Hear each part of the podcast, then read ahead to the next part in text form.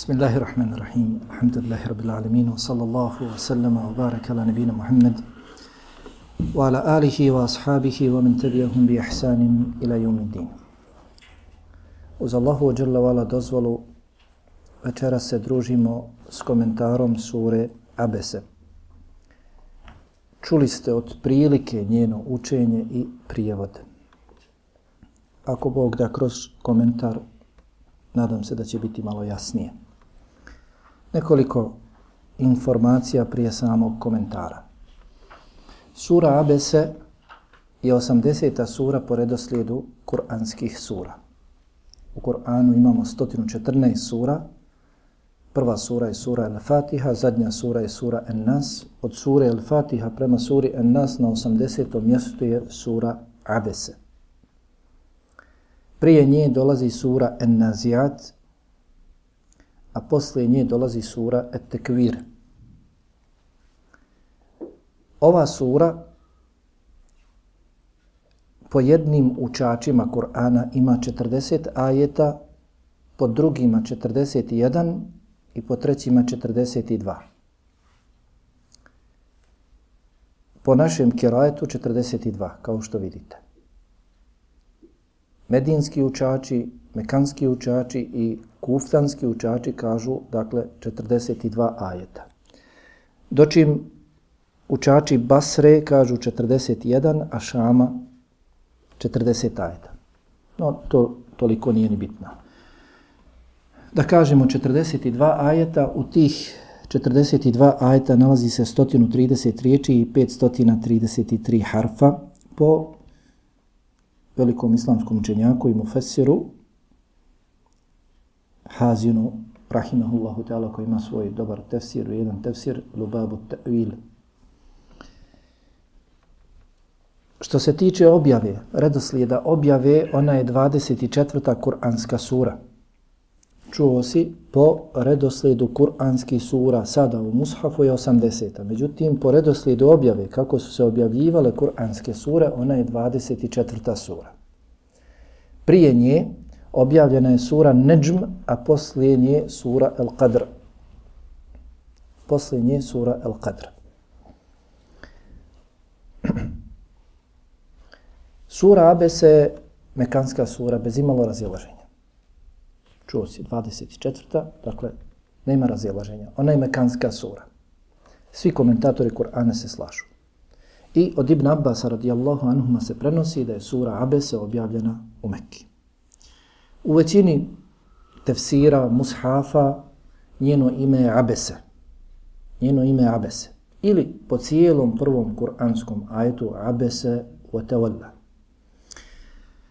U pojedinim tefsirima spominju se druga imena. Pa se spominje ime Sura ibn Umi Mektum. U pojedinim tefsirima stoji da je naziv ove sure Sura ibn Umi Mektum ili Sura el-A'ma. Dobila je naziv po povodu objave ove sure. Povod objave ili početka ove sure bio je Abdullah ibn Umi Mektum ibn Umi Mektum, ashab. Prvi ajeti govore o njemu, njegovom događaju. Povodom njega je od početa objavljivati se, počela se objavljivati ova sura. Pa su je neki imenovali po njemu. Ili po njegovoj osobini, po kojoj je bio poznat svima, el-a'ma, slijepac. Kao što je baš i došlo u Kur'anu, Allah subhanahu wa ta'ala tako kaže ovdje u suri el-a'ma, Nije rekao ama, bilo koji slijepac, ne, već je rekao sa određenim članom el ama, određeni član samo imamo, govori određen, dakle određeni slijepac, za njega su znali svi. I za njega muslimani te kako treba da znaju. To je bio poseban ashab Allahov poslanika, alaihi salat sam poslije. Također, pojedini spominju da je ime As-Saha, sura Esaha, po njenom završetku. Jer pred kraj sure dolazi govor o sudnjem danu. I spominje se ovo ime sudnjeg dana, Esaha, zaglušujući krik. Pa su pojedini mufessiri dali joj ime Es-Saha. I veliki hanefijski islamski pravnik i muhaddis Bedrudine Lajni još jedno ime, dakle, spominje za nju sura Sefere. Sefere su meleki pisari, oni koji putuju brzo, pa po njima, o njima se govori u ovoj suri, po njima je sura, po Bedrudinu Elajniju dobila i ovo ime, dakle, sura Sefere. Dakle, povod objave ove sure je bio Abdullah ibn Mektum. O čemu se radi? Allahov poslanik sallallahu alaihi wasallam, to nam je poznato iz sire njegovog životopisa, često bi dolazio pred Kaabu, dakle ovo je Mekanska sura, Mekanski period, prije Hidžre. Klanjao, pozivao Kurejšije. Cilj mu je bio da imućni, odnosno vođe Kurejšija prihvate islam, onda drugi, obični ljudi slijedit će ih. Prihvatit će i oni. Kad njihove vođe prihvate, prihvatit će i oni, običan narod. Pa se spominje jedne prilike, spominje se u mnogim hadisima od Ebu Hureyre, od Ibn Abasa i drugih, jedne prilike sa tim glavešinama ili pojedincima od njih razgovarao je poslanik alihi salatu osam, pozivao ih, posvetio im se, maksimalno, odgovarao na njihova pitanja, jeli, posvetio im se. Pa je njegov glas čuo Ibn Mektum, nije vidio, jer nije bio, nije vidio, bio je slijep. Čuo pa je krenuo za glasom. I došao do Allahovog poslanika, sallallahu alaihi sallam, čuo, primijetio, saznao da je on tu u blizini, nije znao o čemu, o kome se radi tu, došao je do Allahovog poslanika, alihi salatu wasalam, prekinuo ga u njegovom razgovoru, postavio pitanje, nije znao ko je tu, kome se obraća. Pa se poslanik alihi salatu sam okrenuo i vidio da je Abdullah ibn Mektum. Pa se prvo namrštio. Krivo mu bilo. Što ga je prekinuo? U njegovoj namjeri, u njegovoj nakani. On se toliko zdušno posvetio, dao njima da im objasni islam ne bili prihvatili, a kasnije i ostali u Mekki i on ga je prekinuo poslanik Alihi Salusom okrenuo se i vidio da je on namrštio se, zatim se okrenuo i nije uopće posvećivao pažnju Abdullahu ibn Mektumu. Da kada bi osjetio, primijetio Abdullah da mu niko ne odgovara, pitao je ponovo poslanika Alihi Salusom, jesam li rekao nešto ružno, jesam li rekao nešto nedolično? Hm? Pa je poslanik Alihi Salusom samo kratko rekao ne. Nastavio dalje pričati, Abdullah ibn Mektum kada je vidio da mu nema odgovora, otišao. Mnogobožci se nasmijali i otišli oni. Poslanik Alihi sam sam ostao sam. I dolazi ova sura, govori o tom događaju i čućeš poslanika Alihi sam Allah dželovala kori svoga poslanika zbog toga. Kori poslanika, sallallahu alaihi sallam, zbog toga. Međutim, sa edebom. Na poseban način kori. Jer on nije bilo ko. Međutim, isto tako onaj koji dolazi, dolazi i hoće uputu. Sam dolazi i postavlja ti pitanje. I čućeš Allah dželovala koji zna sve nas, zna naše duše i začim haju, kaže vohu je jahša, on se već boji Allaha i dolazi ti, a ti se od njega okrećeš. Ne valja tako. Hm. Pa dakle, ova sura i njen početak je posebna, posebna, posebna sura. To će kroz komentare još detaljnije. Između ove sure Abese i prethodne sure Nazijat postoji čvrsta veza postoji čvrsta veza. Čuo si, 24. je sura, objavljena nakon sure An-Najm, a prije sure uh, Abese do sure Najm ima dva, tri džuza. Sura Najm u kojem u četvrtom džuzu od kraja. A ovo je u zadnjem džuzu. Zašto nije stavljena nakon sure Neđm kako je objavljena? Ne, stavljena je nakon sure Nazijat. Zašto? Postoji veza. Mnoge veze. U suri, nemam mushafa da aletu koji ima mushaf, nek okreni.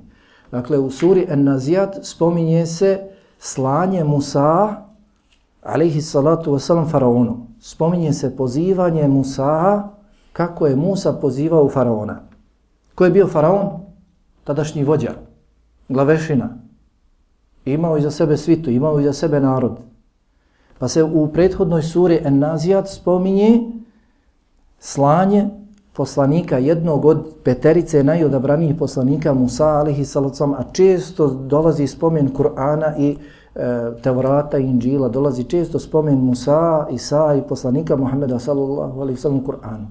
Pogotovo, dakle, između Musa i Muhammeda sallallahu alaihi sallam postoje brojne sličnosti, pa često dolazi. U suri An-Nazijat spominje se pozivanje Musa, kako je Musa pozivao glavešinu faraona. A u ovoj suri Abese spominje se, čuo si, da je poslanik Muhammed sallallahu alaihi sallam pozivao glavešine Kurejša. Zatim, u suri Abese, kao i u suri An-Nazijat. U suri Nazijat Allah subhanahu wa ta'ala spominje, naređuje poslaniku alihi sallam da opominje, jer njegova opomena će koristiti vjernicima. A u suri Abese također Allah subhanahu wa ta'ala kroz ovaj događaj pojašnjava kome njegova opomena koristi, kome ne koristi. Ko će se okoristiti od poslanika? I njegovih riječi, onaj koji se boji Allaha, koji dolazi žurno, Pa onaj koji se ne boji Allaha, koji se oholi, koji ima u svojim rukama i metak i misli da je to njegovo, šta će mu vjera? Taj se neće okoristiti od tvog savjeta. Zatim u suri En-Nazijat, Allah subhanahu wa ta'ala poznato je, nakon to kazivanja o Musavu, alaihi salatu salam i faraonu, i kako je faraon odgovorio, Allah dželovala spominje svoje blagodati koje je dao čovjeku. Isto to spominje u suri Abese kori čovjeka, kako je nezahvalan, kako može toliko da ustrajava u nevjerstvu, a stvorili smo ga, dali smo mu na uživanje to i to. I u suri Nazijat kaže, ha, vama i vašoj stoci na uživanje, u suri Abese isto kaže, vama i vašoj stoci na uživanje. Sura En-Nazijat završava s govorom o sudnjem danu i spominje se jedno od imena sudnjeg dana. Fejda džaeti tammetul kubra.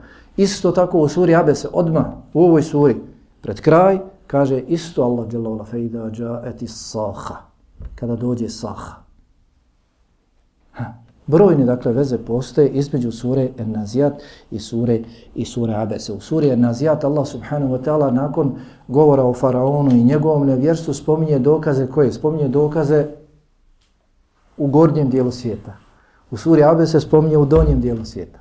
Govori o čovjeku o njegovom razvoju, govori o a, zemlji i slično, dok dakle govori u suri An-Nazijat o planinama, govori o a, nebesima jeli, i slično. Dakle, sura ABC, je mekanska, mekanska sura. Od 1. do 16. ajeta govori o ovom događaju sa Abdullahom ibn Umi Mektumom. Zatim od 17. do 23. ajeta govori o čovjekovoj nezahvalnosti, a rekao sam, mislim, da kada se spomene insan, riječ insan u mekanskim surama, da uglavnom, uglavnom ima značenje nevjernika. Može da bude općenito značenje i to je poznat put i Kur'ana i naših prethodnika da ukoliko ajeti imaju jaču poruku, jaču sadržinu, da se oni, nema smetnje, mogu odnositi i može se njima dokazivati i mogu se oni govoriti i onima koji nisu na tom stepenu. Ha? Pa o velikom širku ajeti koji govore, mogu se dakle ti ajeti govoriti onima koji zapadaju u mali širk. Ajeti koji govore o velikom nevjerstvu mogu se dakle govoriti onima koji dakle čine malo nevjerstvo. Dakle bez tefsila, bez pojašnjenja ne bi se čovjek pobojao i ostavio, ostavio je li toga. Zatim od 24. do 32. ajeta Allah subhanahu wa ta'ala govori o svojoj svemoći, govori o stvaranju čovjeka, stvaranju rastinja, hrane, pića i od 33. do 42. ajeta do kraja sure govori jeli, o sudnjem danu, spominje određene situacije na sudnjem danu, pojašnjava stanje vjernika i nevjernika. Otprilike, jeli, čuli smo prijevod. Dakle, kaže Allah subhanahu wa ta'ala nakon bismillah, abese watawalla. Abese wa. Kako je prevedeno dženu da moj zatvarati? Znamo da kucaš. Dadni nekome drugom. Da ne mogu nekoga drugog pitati. Dadni da ovdje. Nek on čita. Je potrebno da čujemo njegov glas. Abese watawalla. On se namrštio i okrenuo. Tako? On se namrštio i okrenuo. Ili namrštio se i okrenuo. Ne se. Uglavnom, u trećem je licu. A ovaj događaj se desio između poslanika alihi salocam i Abdullah ibn Metuma. Ko se namrštio i okrenuo? Poslanik salocam. Međutim, ne kaže ti si se namrštio. Sedebom. Ha? S dozom, velikom dozom poštovanja. Kaže, on se namrštio i okrenuo. Kao neko tamo. Ne želi direktno da ga ukori. Jest ukor, kasnije će reći, kella, ne valja tako. Ne valja tako. Nemojte se poslije obhoditi na takav način. Doista je u ovome pouka i poruka. Ali dakle, i ovo je ibret nama, poruka nama, da onaj koji govori o poslaniku sallallahu alaihi ve sellem i nekim događajima iz njegovog života mora da dobro vodi računa kako govori. Kažu poslanik sallallahu alaihi izgubio bitku. Izgubio si ti. Poslanik sallallahu nikad nije izgubio ništa.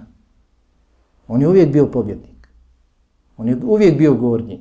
Moraš da vodiš računa. Uhud nije izgubljena bitka. Uhud je dobivena bitka. Poslanik zaboravio, poslanik ovo, ti si zaboravio. Ono što se dešavalo poslaniku, alihi sallam, dešavalo se sve sa Allahom dželavala potpuno mudrošću. Allah mu je davao da se desi. Moraš da dobro vodiš računa koje riječi koristiš kada govoriš o poslaniku, alihi sallam. Dokaz nam je ovo. Kaže, on se namrštio i okrenuo. Hm. Dakle, poslanik alihi sallam, kada je vidio Abdullah ibn Mektuma, kako ga je prekinuo, okrenuo se i vidio ko je on, Abdullah ibn Mektum je bio siromašan. Kasnije će biti poseban ashab. Poznato vam je da je bio muezin, je tako? Pored Bilala bio je muezin za najbolji namaz, za sabah. Pa je i označavao nastup posta, tako? Učio je ezan za post, kada nastupa sabahsko vrijeme. Bilal bi učio ono ranije, kao što je poznato, postoje dva ezana za sabah. Međutim, nije to, ha, mi kažemo za sabah.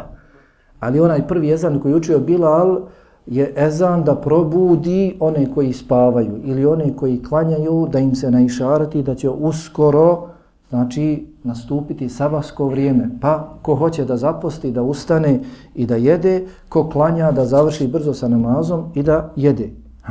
Pa bi Bilal učio ranije, a Abdullah ibn Mektum bi učio kasnije. Odnosno, kada bi nastupilo sabasko vrijeme, govorili bi mu svanulo je, odnosno nastupilo je sabasko vrijeme, uči.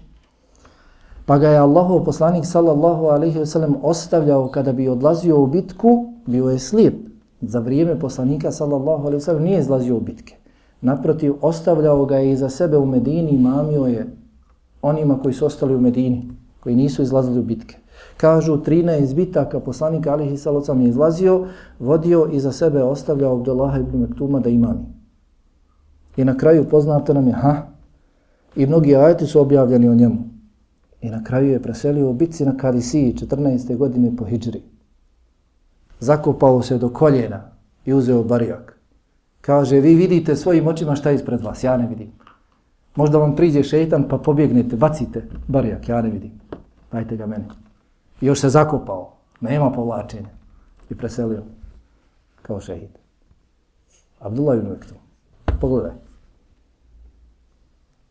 Šta je Allah dao?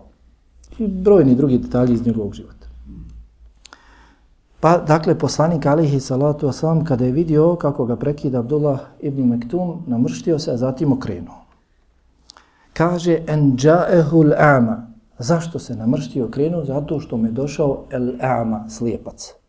Dakle, ovdje jasno se zna da je do znanja da je riječ o Abdullahu ibn Umi Mektumu. Svi su znali za njem. Kažu da se rodio sa vidom, ali kasnije oslijepio. Bio je i slijep i slabašan, općenito tako da su svi znali jeli, za njega. Kaže, وَمَا يُدْرِيكَ لَعَلَّهُ يَزَّكَ A šta ti znaš? Sada prelazi. Ha? Malo prošao je ukor, pa kaže, a šta ti znaš, možda on hoće da se očisti. Oma yudrike la'allahu jezeka, nemoj da neko prouči jezeka. Z, kažu mjako z. Ha? Znate šta znači? Jezeka znači zaklati. Z. Ovdje je z. Zekat. Jezeka. Zekat je čišćenje i metka. Pa i ovdje. Oma yudrike la'allahu jezeka. A šta ti znaš? Možda on hoće da se očisti. On dolazi zbog toga. Ti hoćeš da očistiš ove. Da ne, ti hoćeš da očistiš ove. Hoćeš da očistiš ove mušike, mnogobožce. da očistiš njihova srca, da povjeruju Allah, da Allahovom dozvolom izađe širk iz njihovih srca, oni to neće, ovaj hoće. Ti misliš da oni hoće, a ovaj ti dolazi. Kaže, eu je zekeru feten fa'hu zikra. Ili da se poduči. On dolazi ti, hoće da se očisti, odnosno da mu kažeš na grijehe. Šta je grijeh pa da se očisti? Ili da se poduči nekom dobrom dijelu od tebe. Da mu kažeš, Abdullah, treba raditi to i to. Nedoliko je vjerniku da ne klanja noći namaz, da ovo, da ono ne radi. Radi. Pa hoće da se na takav način popravi. Ili da se očisti od grijeha, ili dakle da se okoristi pa da poveća svoja, svoja dobra djela. Zatim kaže, dakle nema nešto mnogo komentara, kratki su ajati, tako i, i komentar kratak. Emma meni stagna, a što se tiče onoga koji, kaže se istagna, ne znam kako je prevedeno, imućan, bogat, on, onoga koji je bogat, jel, kažu nije, nije lijepo reći za čovjeka da je bogat, to se koristi samo za Allaha, dželovala. Uglavnom, ovdje riječ istagna e, ima značenje i neovisni. Dobro, zašto je on neovisan? Zato što je imućan. Smatra se neovisni. Smatra da može bez Allaha. Da ima sve što mu je potrebno. Ima i metak, ima ženu, ima djecu, ima potomstvo, ima vlast, ima položaj, sve. I od drugih ga slušaju, Spominje se u tim predanjima Ebu Hureyre ibn Abasa s kim je pričao poslanik Alihi Salusalu njih, glavešine. A što se tiče onoga koji se smatra neovisnim, koji se uzdiže, koji se oholi, fa ente lehu te sadda, ti se njemu maksimalno okrećeš, posvetio se njemu, ne smećeš pogleda s njega. Ti se njemu okrenuo u potpunosti. On neće. Ovaj hoće. Reci mi grijeh koji imam da ga ostavim. Reci mi neko dobro djelo da radim. Hoće. Ovaj neće nikako. I ti mu se opet okrećeš Kaže, وَمَا عَلَيْكَ أَلَّا يَزَّكَ A nisi ti kriv. O Muhammede, ako on neće da prihvati vjeru. Na tebi je samo da dostaviš. Kako Allah dželle spominje govor poslanika, وَمَا عَلَيْنَا إِلَّا الْبَلَاغُ الْمُبِينَ A na nama nije ništa drugo osim da jasno dostavimo. Ti ne možeš nikoga uputiti. Inneke la tehdi men ahbebt. Walakin Allah yahdi men yasha. Ti ne možeš uputiti koga bi ti htio, koga bi ti volio. Allah je taj koji upućuje. Na poslanicima je bilo samo da jasno dostave. I na njihovim sledbenicima da jasno dostave. Niko nikoga ne može uputiti, učiniti ga vjernikom, ako je nevjernik. Samo Allah dželovala. Kaže se, postoje dvije vrste upute, Ha? Kaže se hidajetu dilale i hidajetu taufiq. Uh, uputa da nekoga uputiš, da mu ukažeš šta je pravi put. Vjerovanje u Allaha, njegove meleke, poslanike, obavljanje namaza i, i, i ono dakle što je poznato. Šta je vjera?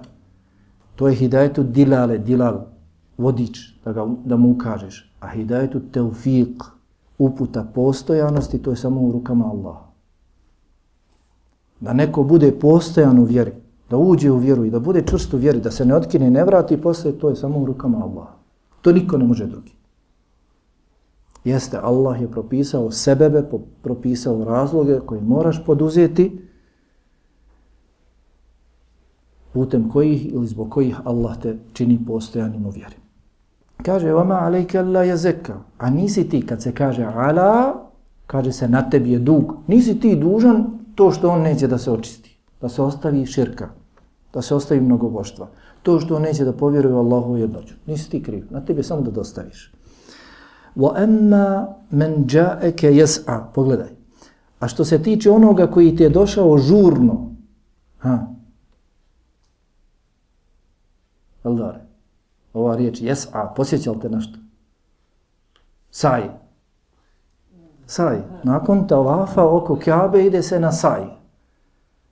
Saj je u stvari, ha, kaže se od Safe do Merve, međutim koristi se taj termin za onaj dio dionice u kojoj se trči. Pa ovdje se spominje o emma men džaeke jes'a, a što se tiče onoga koji ti je došao žurno, odnosno trčeći, pazi, još slijep, i došao trčeći. Čuo za tebe, čuo glas tvoj. Čuješ tamo pezić, silete. Za pesijama, kamo li za poslanikom, ali i salza. Čuo priča tamo, čuo njegov glas i odmah do poslanika, ali i salza. Slijep. Wahu jahša. I on se još boji Allaha, vjeruje u Allaha. Fe ente anhu Ti se od njega okrećiš. Fe. I ti se odmah od njega okrećiš. Zato kaže, kella ne valja tako. Billahi alaikum. Pogledajte, hajde zamislite tu situaciju. Poslanik je uradio što je uradio. Je li Abdullah ibn Metum išta od toga vidio? Ništa nije vidio. Je li moglo, moglo proći bez ukora? Moglo je. Abdullah ibn Metum nije uopšte ništa vidio to. Niti je vidio kome se obraća, koga poziva, je li poziva ili šta. Samo je čuo, ima on svoju brigu, reci mi grijeh koji da ostavim, reci mi dobro djelo da radim, ja odo. Nije uopšte, čuo je samo glas. Nije uopšte slušao o čemu se priča. I nije vidio ništa. I nije vidio kako se poslanik namrštio. I nije vidio da se okrenuo od njega skroz. Nema je više za njim. Ništa od toga nije vidio. Ali je gospodar iznad sedam nebesa vidio.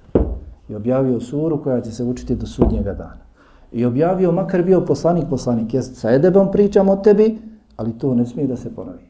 Jer ljudi s posebnim potrebama imaju posebno pravo. Ljudi s posebnim potrebama imaju posebno pravo. Kogod da bio, s njima mora da se obhodi na poseban način. Hm. Zato kaže, kella, ne valja tako. Innaha tezkira. Ovaj događaj, a i cijeli Kur'an, Kur'an govori o ovom događaju. Kako ste upoznati? Upoznati se kroz Kur'an u ovom događaju. I cijeli Kur'an, ovaj događaj, cijeli Kur'an je opomena. Opomena. Ovaj događaj svakako opomena da se više ne ponovi. Ni tebi Allahov poslaniće, ni tvojim sedbenicima. Islam ne pravi razliku između imućnih i siromašnih. Između onih koji su lijepog fizičkog izgleda i onih koji su manje lijepog. Onih koji vide, onih koji ne vide. Islam pravi razliku između bogobojaznih i nevjernika. Nema druge razlike. Hm. Dakle, svi imaju pravo na islam. Svi. Mako oni bili. Svi imaju pravo. Bijel, žut, crven, mako bio. O Muhammede, da si me samo mogao vidjeti kako trpa mulj u usta faraona da ne kaže la ilaha illallah. Kaže Džibril. Samo da si me mogao vidjeti kako sam utrpao mulj u usta kad se počeo tušiti da ne kaže la ilaha illallah. Jer da je rekao stigla bi ga Allaha milost. Imao je on pravo. Naprotiv, čućeš ako Bog da u suri Nazijat kako Allah dželavala naređuje Musa'u da ide i da poziva najvećeg taguta na zemlji, najvećeg faraona na zemlji koji ikad bio. Koji je bio poznat po skidanju glava, poznat vam je njegov događaj, da je ubijao svu mušku djecu. Kad je saznao da će njegova vladavina pas na rukama jednog mladića, jednog djeteta, poslije će odrasti i biti mladić iz Benu Israila, rekao je svu djecu Benu Israila ubijaj. Kad god se rodi, bilo koje djete. Došao za, za Musaom sa šestotina hiljada boraca, vojnika, vojskom. Da sustigne Musa i njegovu malu skupinu vjernika. I odlučen da završi. I takvom faraonu šalje Allah subhanahu wa ta'ala Musa i kaže, idi, recimo, da li bi ti da se očistiš, da ti ja budem vodič, da se pobojiš Allaha, da, da, da. U suri Taha kaže i recite mu blage riječi. Nekoga od nas ne bi ni pozivao, samo bi, ako ima mogućnosti da ga položi. I to je to. Ne. Allah daje svima pravo na islam.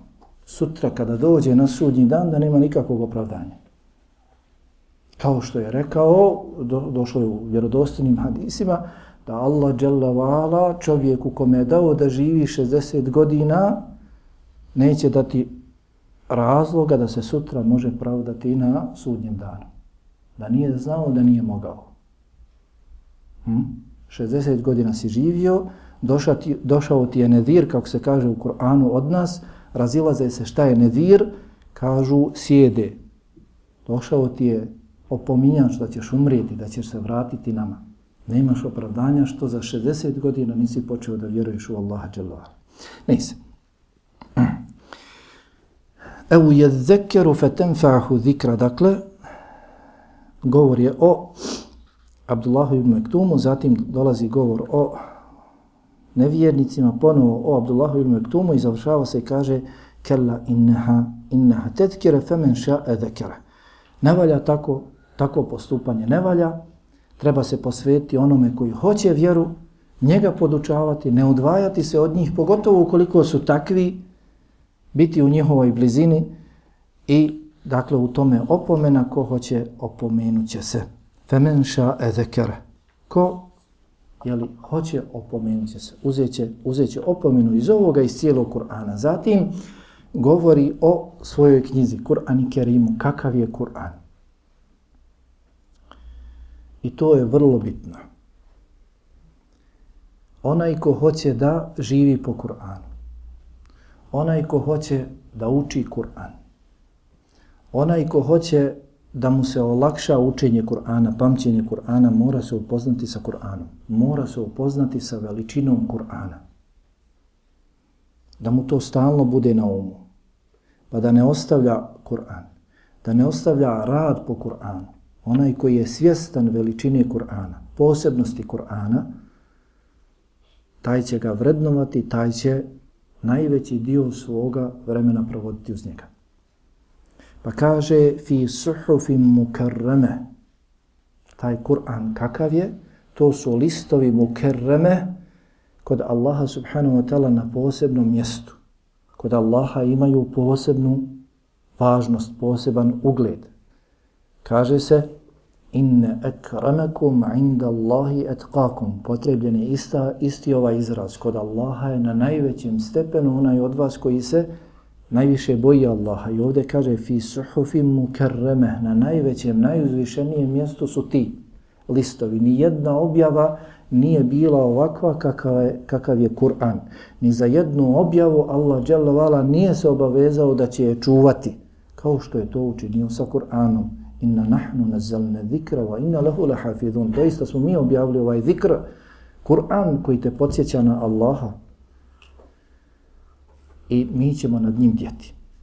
Fi suhufim mukarrame, marfuatim mutahara, oni su uzdignuti, uzvišeni i čisti, čisti od svake manjkavosti, odnosno propisi koji se nalaze u Kur'anu su daleko od svake manjkavosti i značenja i propisi i naredbe i zabrane i kazivanja, sve dakle je na posebnom stepenu uzvišenosti, posebnoj, posebnoj posebna mu veličina i vrijednost pripada. Bi eidi sefere. I on je u rukama izaslanika, melika koji putuju, kiramim berare, o njima Allah dželavala govori u suri Al-Waqija, jeli kada kaže, ha, i Kur'an ne dotiču osim oni koji su čisti, to su meleki. Ha, ispravno tumačenje tog ajeta jeste da se odnosi na meleka, ne na ljude. Wala yamassuhu illa al-mutahharun i ne dotiču ga osim čisti. Misli se dakle na meleke.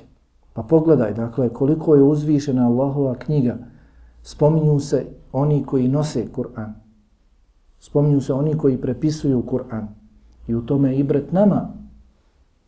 Da onaj ko se druži sa Kur'anom i onaj koji hivza Kur'an da mora bude takav. Da možeš vidjeti hafiza, ne smiješ vidjeti hafiza, on sebi ne smije dozvoliti da pamti Allahovu knjigu, a da postupa potpuno drugačije. Jer sve što je vezano za Allahovu knjigu, svi su posebni. Pogledaj, pogotovo kada čitaš, a bio je komentar svih tih sura, sura Al-Qadr, da je objavljen u posebnom mjesecu, ali tako, mjesecu Ramazanu, u posebnom zadnjem dijelu, trećini, u noći Kadra, Pa pogledaj kakva je ta noć. Znači, najbolje vrijeme. Kome je objavljena? Muhammedu alihi sallam, najboljem poslaniku. Preko koga? Preko Meleka Džibrila. Svi koji su vezani za Kur'an su posebni. I onaj koji pamti Kur'an ili bilo šta od Kur'ana, taj Kur'an mora na njega da ostavi traga. Hm? Zato je došlo upozorenje u hadisu da najveći broj munafika iz moga umeta će biti Kur'ra, učači Kur'ana. Mnogo je onih koji uče Kur'an i koji su napamtili Kur'an, pazite, svaka blagodat Allahova je istovremeno iskušenje. Istovremeno iskušenje. Obračunavaj se, kad god bilo šta uživaš od dobra, vidio si zahvalan Allahu na tome, to je iskušenje za tebe. Kao što poznato nam je šta je Allah dželovala dao Sulejmanu naprotiv, dovio je Sulejmana alihi salam da mu da vlast koju neće dati nikome poslije. Šta je rekao kada je to dobio? Hada min fadli rabbi, ovo je od dobrote moga gospodara da me ispita e eškuru em ekfur. Hoću li biti zahvalan, će biti nezahvalan. Sve što je blagodat veća, znaj da je veće iskušenje za tebe. A Allahova jedna od posebnih blagodati da ti omogući da nahivzaš Kur'an. Da nosiš njegov govor u svojim prsima. Da s njim možeš do, da dokazuješ, da ga citiraš kad god. To je posebna Allahova blagodat. Jeste, Allah je olakšao Kur'an. Ali vidimo da ne mogu svi da nauči.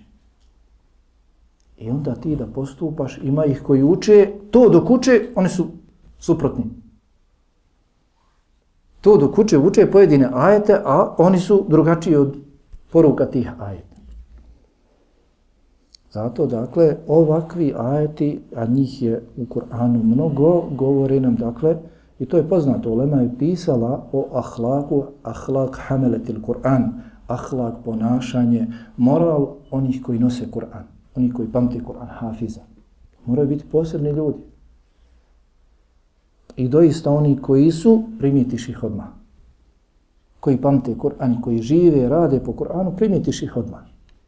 Kaže Hafiz, primitiš njegovu skromnost, njegovo ponašanje, sve primitiš na njemu. Dobro.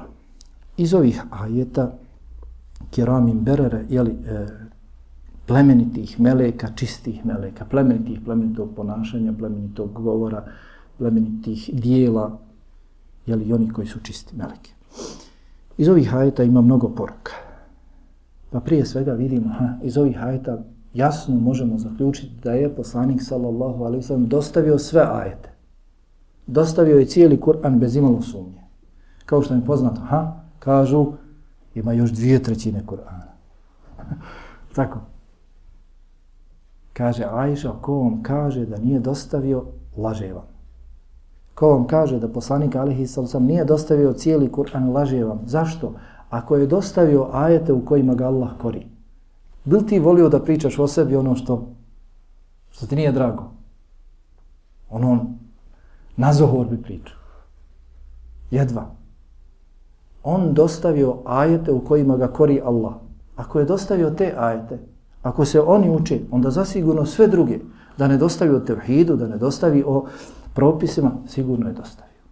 Kada je dostavio, i ne samo ni ovo jedini primjer, imam još primjera u Kur'anu, u kojima ga Allah kori u suri Al-Kahf, u suri Tahrim, i dostavio je sve to. Onda je zasigurno dostavio i sve druge ajete. Iz ajeta se zaključuje da Islam ne pravi razliku među ljudima po tome što su imućni, jedni, drugi siromašni ili s posebnim potrebama, svi imaju pravo na islam. Ajeti postiču na najljepše ponašanje prema ljudima s posebnim potrebama. Ajeti govore o vrijednosti Abdullaha ibn Mektuma, nije to njegova mahana, naprotiv, ajet objavljen povodom njega. To je posebna, posebna vrijednost. Poznato vam je da su mnogi ashabi, kada bi ajet bio objavljen povodom njega, ili kada bi čuli da ga Allah spominje po imenu, da bi plakali. Spominjao sam ovdje slučaj Ubeja, Ubej ibn Kab, koji je jedan bio također od hafiza Kur'ana, i poslanik Alihi sam je rekao da se uzima Kur'an od njega, od četverice, između ostalog od njega. Jedne prilike kada ga je ha, sreo u karavani, pitao je, je li među vama Ubej, Ebul Mundir, Pa se javio, jest, ja sam Allahov poslanče. kaže, koji je najuzvišeniji ajet iz Allahove knjige? Allah i njegov poslanik znaju. Koji je najuzvišeniji ajet iz Allahove knjige? Allah i poslanik najbolje zna. Koji je najuzvišeniji ajet? Kaže, Allahu la ilaha illahu al hayyul qayyum. Ajetul kursi. Pa ga potapšao po ramenima. Drugi, po prsima. Druge prilike dolazi i kaže, o Ubej, dolazi poslanik, alaihi salacom, Ubeju, i kaže, o Ubej, Allah mi je naredio da dođem pred tebe i da ti proučim suru al-Bejine poslanik Alihi Salazom da prouči, da ga Ubej presluša. I Ubej plače, ne zbog toga. Već kaže Allahov poslaniće, je li Allah rekao sjedi pred Ubeja ibn Kaaba, je li spomenuo moje ime? Kaže da. Plakao zbog toga. Allah spomeni njegovo ime. Hm. Pa dakle, to su sve vrijednosti koji je živio prije 1600 godina i Allah zna koliko će još biti svijeta i života do sudnjega dana, on će se spominjati. Čak jedan od ashaba je spomenuti po imenu u Koranu. Ovo znamo, evo, kroz komentari, da je riječ o Abdullah ibn Mektumu. Ima i drugi ashaba, ali jedan ashab je spomenut po imenu. Koji je? A što je spomenut po imenu? Ha? Znao neko? Ovo iz tog događaja se, mi ćemo odužiti ako ostavit ja. Spominje se posebna poruka. Ha? Znao neko? Jeste. Jeste. Ali kad je objavljen taj ajet? Znaš, nakon što je dokinuto posinovljavanje. Zaid ibn Haris je bio posinak Allahovog poslanika, alaihi sallam. Pa kad bi ga pitali kako ti ime, govorio bi Zaid ibn Muhammed. I to je bio šeref. To je bila njemu čast da kaže ja sam Muhammedov sin. Da se pripisuje njemu. I onda je dokinut. Pa Allah nakon toga objavljuje ajet gdje spominje njegovo ime direkt. Ha. Allah te sad spominje. Sad se pripisuješ, sad se spominješ u Allahovom govoru, ne uz Muhammeda. Sad se, a, strpi se na tome, prihvati zadovoljno Allahov propis, Allahov odrebe, Allah će ti dati još veće dobro. Ha. Kao što je spomenuta jedna žena. Jedan muškarac, jedna žena su spomenuti u Kur'anu. Žena je Merijema. Zašto Merijema je spomenuta? Pisao sam ja tamo. Na FB. Zato što nije imala muža.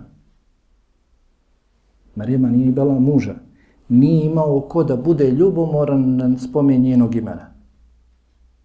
Danas mi opisujemo i žene kakve su nam i ne, ne da opisujemo, stavimo je da je svi gledaju. Umrla ljubomora.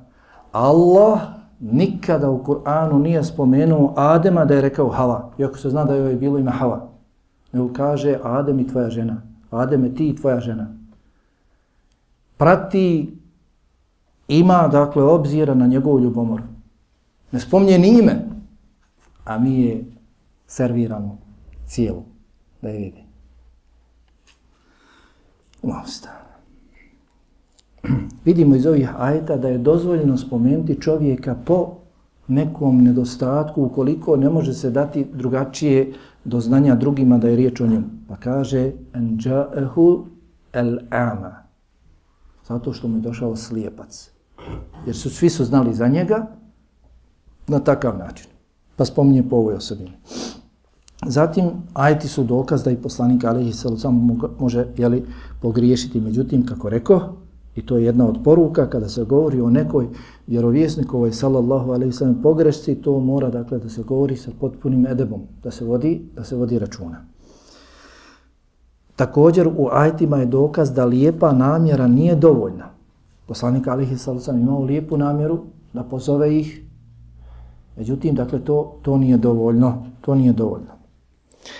Ajeti jasno govore na ono sa čime je došao poslanik Alihi Salocom da se s tim čovjek samo može očistiti. A šta ti znaš, možda je došao da se očisti. Dolazi kome? Petom ili desetom dolazi pred poslanika i želi da se očisti. Samo sa onim sa čime je došao poslanik sallallahu alaihi sallam može se postići čišćenje. Zatim, vidimo iz ajeta da imućnost u većini slučajeva zna čovjeka obmanuti i biti prepreka u puti. A što se tiče onoga koji se oholi, koji se uzdiže, i na kraju ti nisu ni prihvatili islam, ti su u bedru zaglavili u bunar. Nakon što su pobijeni u bedru, nisu prihvatili islam. Oholili se nad islamom. Bili imućni, imali žena, imali djece, imali pjevaljke, imali alkohola, nije ih interesovala vjera. To se ispriječilo između njih i upute. U ajetima je dokaz da se ne ostavlja ono što je sigurno radi onoga što je moguće da bi, a, što je nesigurno, ali eto moguće da bi se moglo postići. A, ono što je sigurno, drži se toga. Naš narod kaže bolje bolje je vrabac u ruci nego golub na grani. Ono što je sigurno. Dolazi ti čovjek i hoće ovo je za, za poruke nama.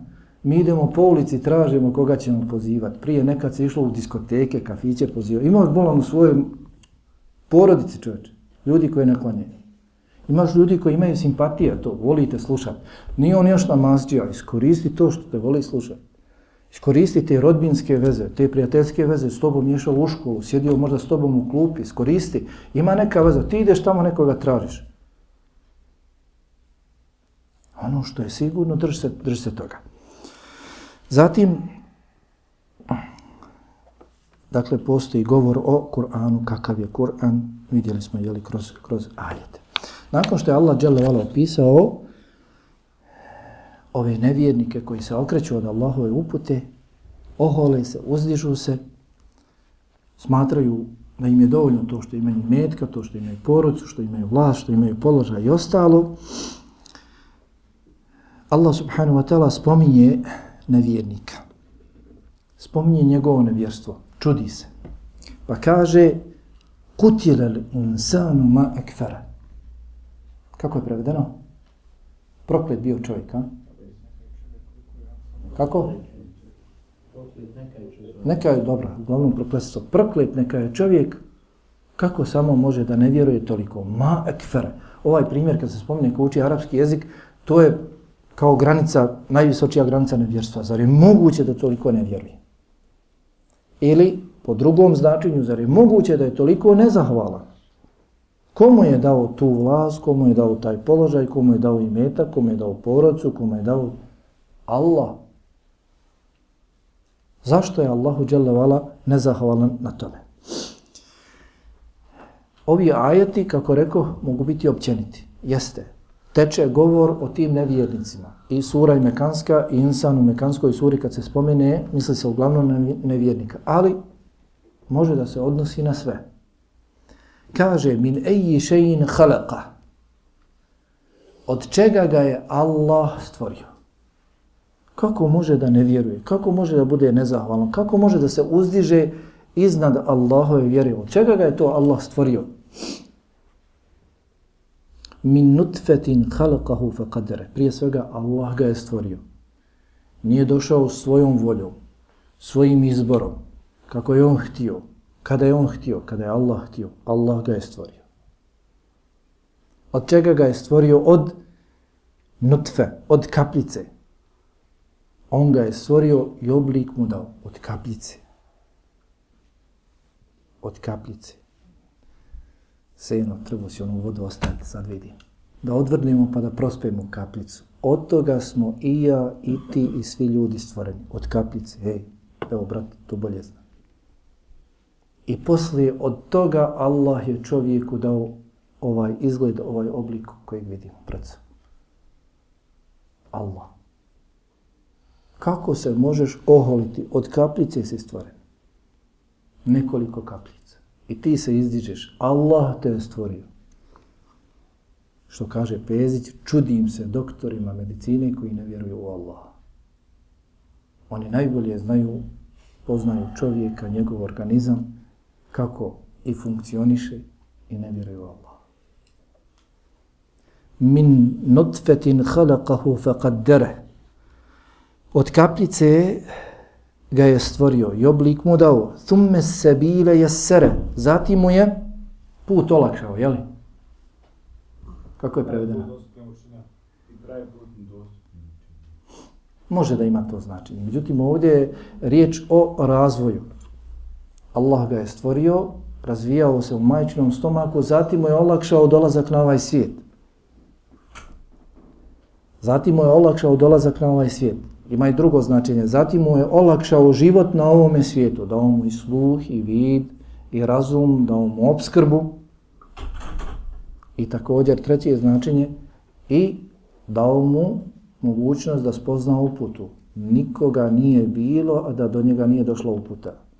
وَلَقَدْ بَعَثْنَا فِي كُلِّ أُمَّةِ الرَّسُولَ أَنِ اعْبُدُ اللَّهُ وَاجْتَرِبُ التَّغُوتِ Svakoj skupini ljudi mi smo slali poslanika. Niko nije izostao. A da mu nije došao poslanik koji je govorio da Allaha jedinog obožavaju da se ostave lažnih božanstava. Allah subhanahu wa ta'ala svakom je dao razum da može da spozna Allaha subhanahu wa ta'ala. Stvorio ga sa prirodnom urođenom vjerom. Je tako? Zašto se ovi krste nakon sedam dana? Znaju i oni da su stvoreni u islamu. Zato se i krste sedmi dan. Znaju da su muslimani. Thumme se bile jesere.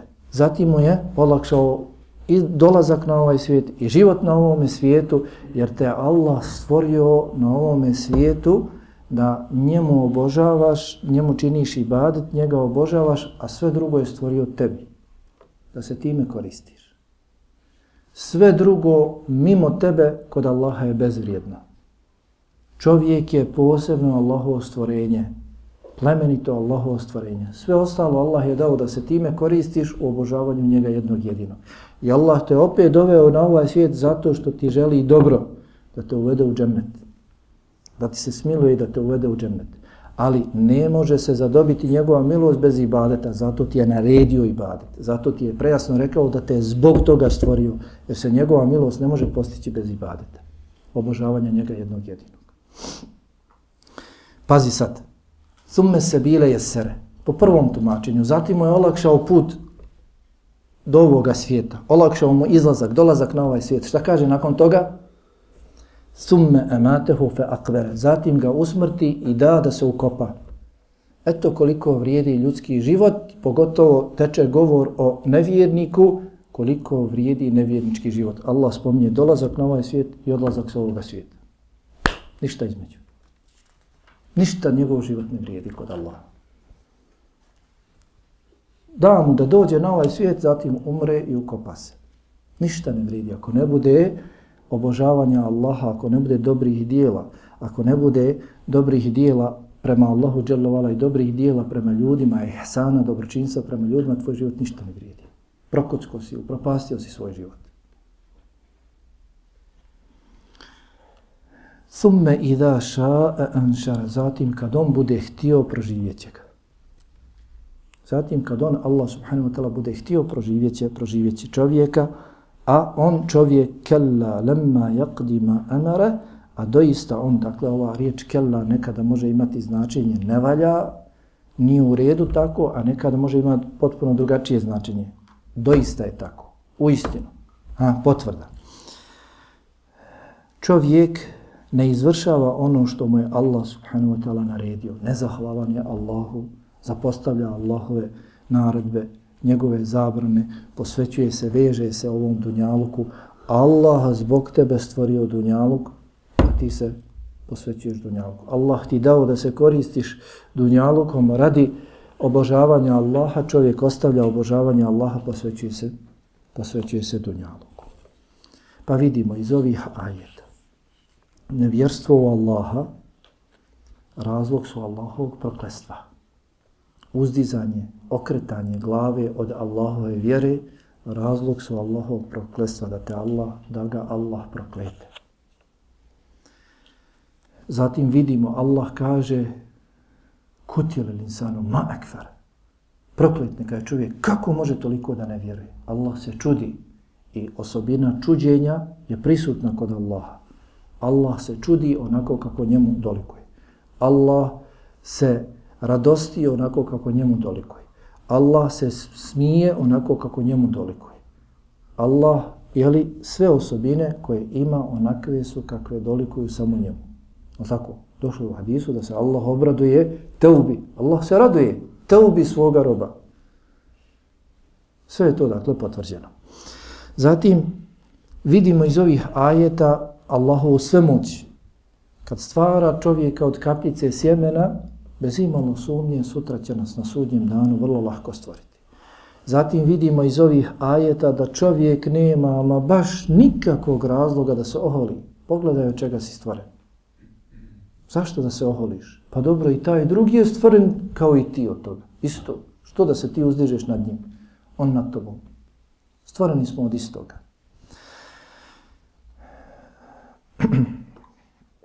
Ovdje dakle ima jedan detalj, summe ematehu fe akbere. Govorio sam stalno o tom harfu fa koji znači za požurivanje. Zatim ga usmrti pa odmah se ukopa. Pa ovi koji se bave e, fikskim tefsirom kažu ovdje je dokaz da treba požuriti odmah sa dženazom. Nakon što čovjek umre, fe akbere, spominje se kabur, da se stavi u kabur, treba požuriti, jeli? Treba požuriti sa dženazom. Nakon toga Allah subhanahu wa ta'ala spominje šta je još dao čovjeku. Nisam te samo stvorio i doveo i ostavio onako na, svije, na, na ovome svijetu. Ne, stvorio sam ti na uživanje mnogo šta. Ha, koliko si zahvalan Allahu na tome. Pa kaže, fel janduri linsanu ila tami. Neka taj čovjek pogleda u svoju hranu. Enna sabebne ma sabba, zar mi ne spuštamo obilnu kišu? Thumme šakakne l'arda šaka, zatim dajemo da zemlja pukne nakon spuštanja kiše da zemlja pukne, odnosno da izniče rastinje, na rastinje kako izniče zemlja puca. Fa embetna fiha habba i činimo da iz nje žitarice izniknu. Kažu, ha, brza hrana danas koristi se. Kažu, Kur'an spominje žitarice. To je najbolja hrana, to je prvenstvena hrana da se čovjek time hrani. Ha? Oni koji s te strane posmatraju tefsir. Kaže, wa ineben wa qadba, i zar nismo dali grožđe i povrće? Pazi, spominju se žitarce, pa ide se na grožđe, pa ide se na povrće, kažu grožđe, kažu komentatori, čovjek u njemu, dok ga jede, osjeća najveću slast između svog voća. Pa kaže, wa zaytunan wa nakhla, i dali smo mu maslinu i palmu. Kažu zejtun, ovdje u stvari ulje, maslinovo ulje. Kažu da nima boljeg ulja od maslinovog ulja. I kako je? Nije spomenuta ha, nahla, spomenuta je palma. Nije, mi uglavnom znamo za šta? Za? Ne, ne, ne, datulu. Uglavnom, hajde, hurme. Ha. Uglavnom, kad se spominje, misli se na hurme, datule. Kad se spominje palma, misli se datule. Ili to ono što kupujemo, jedemo, poručujemo da nam se donese friško i slično. Ali ne, od palme sve se koristi. Je tako? Ja mislim da ste imali ovdje predavanje od Celmira. A? Čuli ste da moja majka preselila, ko može da mi pošalje poruku ili lijepo bi bilo da se ja. Ali, rahmetullah. Da, zašto je došlo u hadisu da je vjernik poput palme? Da vjernik mora da bude poput palme, odnosno da je uvijek od njega korist. Zato što od palme je svaka korist. Palma se sve, sva može iskoristiti. Zato je ovdje ispomenuta palma, nije rečeno datule. Nego palma. Dakle, sve, dali smo mu palmu, nismo dali samo da jede s njim.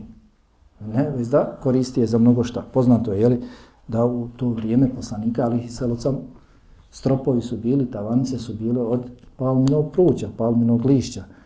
Je li tako?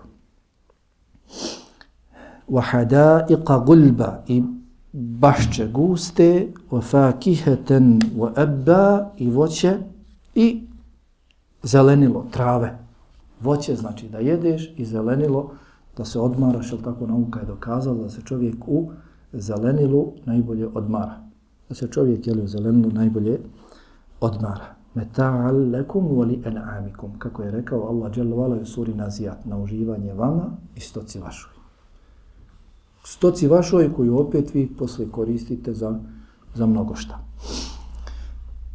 Pa vidimo dakle da je jedan od dokaza proživljenja na drugom svijetu jeste oživljavanje zemlje. Ovdje Allah subhanahu wa ta'ala spominje spuštanje kiše, spominje pucanje zemlje, iznicanje rastinja. Tako će biti i s nama.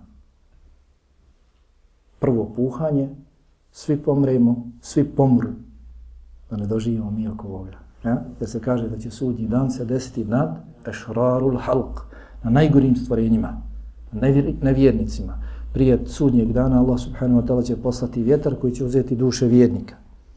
Ostaće najgori ljudi, nad njima će se desiti sudnji dan, prvo puhanje. Zatim Allah će dati da bude koliko? Rečeno je u hadisu 40.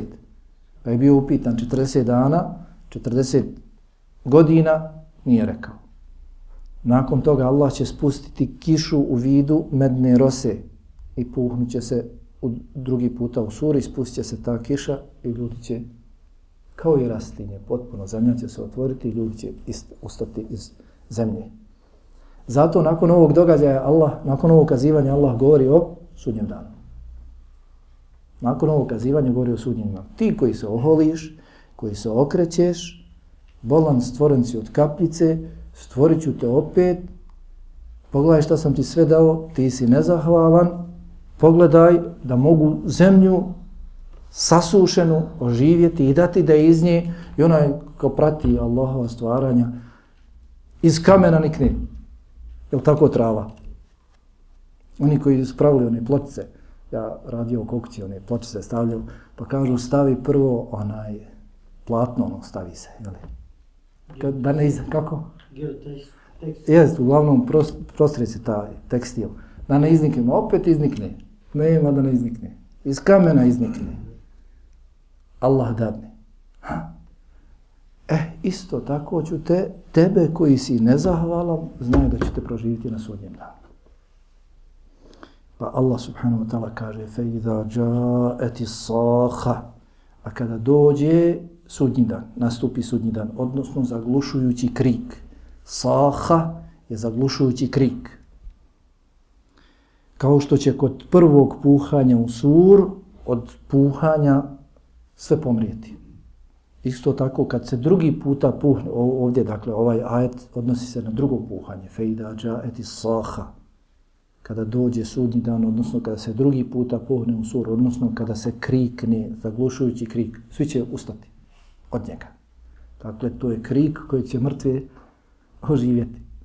Što kažu, ni mrtvi ne čuje. E, ovaj će krik mrtvi čuti. Zasigurno, svi će ostati. Eh, šta će biti tada? Jevme je firrul mar'u min ehih. Toga dana će čovjek bježati od svoga brata. Svoga rođenog brata. Zašto da ne bježi od brata kada će bježati o ummihi i o ebih i od svoje majke i od svoga oca? Majka i otac su opet bliži ti nego brat, rođeni. Pa zašto da ne bježi od majke i od oca kada će bježati wa sahibatihi wa benih, kada će bježati od svoje žene i od svoje djece. Jeste babo i majka, ali s njima fakat ne provodiš toliko vremena koliko provodiš sa svojom ženom, sa svojom djecom. Pored svoje žene ležiš, pored svoje djece ležiš, provodiš više vremena. Oni ti nekako su bliži, da ne govorimo sa šerijetske strane, nego oni sa šerijetske strane, nego onako bliži su uz tebe, znaju tvoje detalje života, detalje tvoga života i slično. Znači, bježat će od brata. Zašto ne bježi od brata kada će bježati od oca i od majke, i od žene i od djece? Zbog čega? Kaže, li kudli mri im minhum jaume idin še'nu njih. Toga dana svaki čovjek će samo o sebe, o sebi brinuti. Ne, bježim od tebe zato što neću od tebe da se brinem. Ne mogu se danas od tebe brinuti. Ni od ocu, ni od majci, ni od ženi, ni od djeci. Samo za sebe. Samo za sebe se danas brinem. Jer danas je poseban dan. Sudnji dan je poseban dan. Nema povratka. Nema popravnog. I poznati su nam hadisi koji govore o tome. Hadis o velikom šefatu za uzimanje kada će sve jedan poslanik govoriti danas se gospodar rasrdio kako nikada nije prije, nika, kako nikada neće poslije se rasrditi. Nefsi, nefsi, samo da se ja danas spasim. Poslanik govoriti za sebe. Kada će Isa reci, reći danas ne molim ni za svoju majku, samo za sebe molim. Kada poslanik Alihi Salocam kaže Ajši da će ljudi biti proživljeni, goli, bosi, neobrazani, kaže muškarci i žene, muškarci i žene, jedni pored drugi, Kaže, jedni pored drugi, ali neće im pas na um da gledaju u druge. Od te gobe toga dana. Svako će tada uvidjeti da je sudnji dan sigurno istina. Nije me Allah proživio radi igre i zabave, kao što me nije stvorio na dunjalku radi igre i zabave. Svako će u glavi, pogotovo kada dođu knjige, prebirati koje dijelo danas me može spasiti. Pogotovo kada se douče džehennem, kako je došlo u vjerodostojnom hadisu. I svakoga vidi. I zna ko uđe u njega da može vječno ostati. Zna ko uđe samo zehru trenutak u njega da će biti spržen sam. Svako se brinti samo o sebi. Drugi mu neće pas na um. Bježat će od njega. Allah spominje nakon toga dvije kategorije. pa kaže Vođuhu jeume idim musfire. Neka lica toga dana će biti blistava, svijetla. to će biti vjernička, vjernička lica. I ne samo da će biti svijetla, već kaže da dahiketum stebšire, Biće nasmijana i radosna. Biće im lica svijetla i bit će nasmijani i radosni, jer su im na dunjalku njihova srca bila svjetla. Svjetla su uputom. Pa će sutra na sudnjem danu njihova lica svjetliti. Bili su zadovoljni na dunjaluku uputom, imanom, pa će sutra na sudnjem danu biti radosni, nasmiješeni zbog onoga či, čime će ih Allah nagraditi, počastiti. Vujuhu jevme idin alejha gabere, a neka lica toga dana će biti tamna, mrkva. Terhequha qatara. Gabere, gabere u stvari je prašina. I još terhequha qatere. I tama će ih prekrivati. Biće poput prašine i još crna lica. To su nevjernička lica, zato što su njihova srca na dunjalku bila crna, puna grijeha, okorjela grijesima. Zato što su se na dunjalku mrštili sprem Allahove vjere, Allahove upute, Allahove objave. Nisu bili zadovoljni, nisu radosno prihvatali, već se mrštili, okretali. Kako si radio, tako ćeš i zaraditi. Allah je pravedan ne možemo mu se nazahvaljivati kada je sve pojasnio. Pojasnio jedno, pojasnije drugo. Kako doći do jednog, kako doći do drugog. Dao opravdanje. Da sutra niko se ne može pravdati. Pojasnio, dostavio, rečeno vam, pojašnjeno. Hm. Ulaike humul keferatul feđara, to će doista biti, bilo je dovoljno da se kaže ulaike il kefara. Ali kaže ulaike humul keferatul feđara to će doista biti oni jeli, nevjernici, razvratnici. Pa vidimo dakle iz ovih ajeta potvrdu sudnjeg dana i njegovog imena Esaha, vidimo da će na sudnjem danu sve rodbinske veze popucati, niko ni za koga neće htjeti da zna, brinuće se samo o sebi, vidimo da će lica vjernika biti sretna, da će biti nasmiješeni, da će biti radosni, da će biti svijetla, ozarena, I razlog svega toga jeste njihovo vjerovanje na Dunjaluku. Lica nevjernika na sudnjem danu će biti tamna, bit će uprašena. Razlog svega toga je njihovo nevjerstvo na, na Dunjaluku.